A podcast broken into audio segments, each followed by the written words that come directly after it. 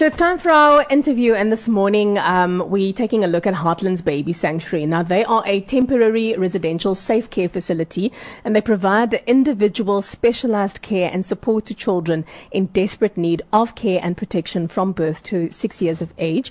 These are children who have been abandoned, abused, neglected, orphaned, and or are sick, and their primary goal is to afford every child in their care their birthright to belong and to be reunited with a loving family. So this morning we chat to Nikki Bauer. She handles the sustainability, marketing, and events portfolio for Heartlands to find out uh, about some new exciting things that are happening there. Good morning, Nikki. Welcome to the On Bait Show. Good morning, Kia Breakfast team. How are you? We're good, thank Good, you. thank you. Nikki, uh, you've begun the year on such an awesome note. There are two things that you have running, namely the Piggy Bank campaign and the Social Savings Club. Can you tell us more? Yes, absolutely. The piggy bank campaign, we were very fortunate in that Consol sponsored us 80 piggy banks, and there's little girls and boys, so we got 40 of each. The idea is that it's a child helping a child campaign, which means those more privileged will start learning and kind of instill a culture of giving to the less fortunate from a much younger age. I mean, we know schools have got life orientation and so on and so on, but this is actually a physical way to do it. One of the schools that have already taken it up are already starting the campaign online, and then when the kiddies go back to school, they will then start collecting the money.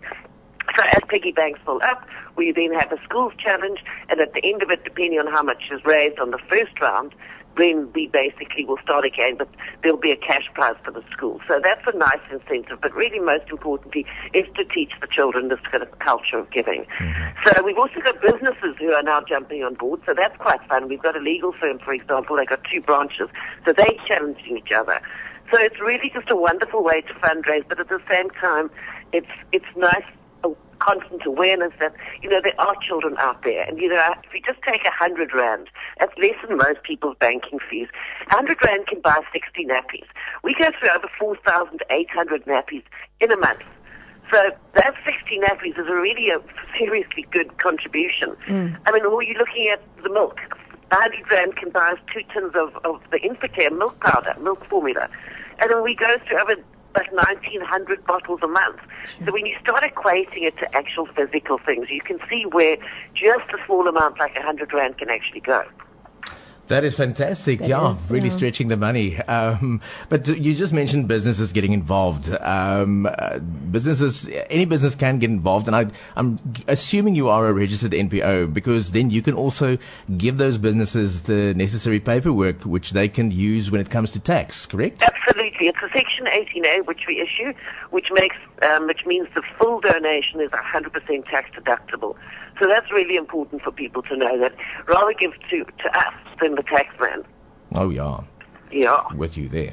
So, Nikki, um, Nikki, how do we connect with you if we'd like to assist you in any way? Um, because you know, uh, this is something I feel personally that each and every one of us can climb on board. Um, like you said, every little bit helps. So, even a hundred rand donation is going to be amazing.